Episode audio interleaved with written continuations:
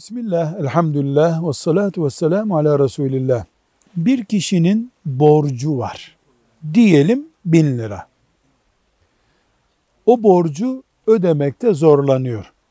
Alacaklısı olan kişi geliyor ona diyor ki, ben sana bin lira zekatımı vereyim ama onu borcunu bana ödemek için geri vereceksin diyor.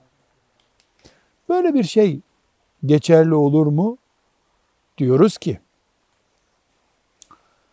zekatı şu kişiye verebilirsin diye kuralı koyan Allah'tır. Filanca kişi zekat alırken Allah'ın ona tanıdığı bir hakkı alıyor.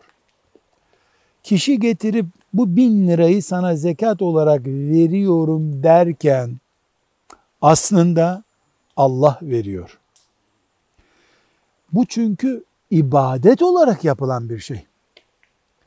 Bir Müslüman zekat verirken cebinden çıkardığı bin lirayı başka birisinin malı olacak şekilde veriyor.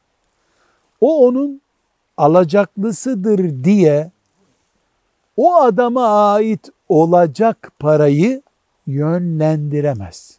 Dolayısıyla ben sana bin lira vereceğim sen de borcunu bana ödeyeceksin dediğimiz şart fıkhen geçerli değildir.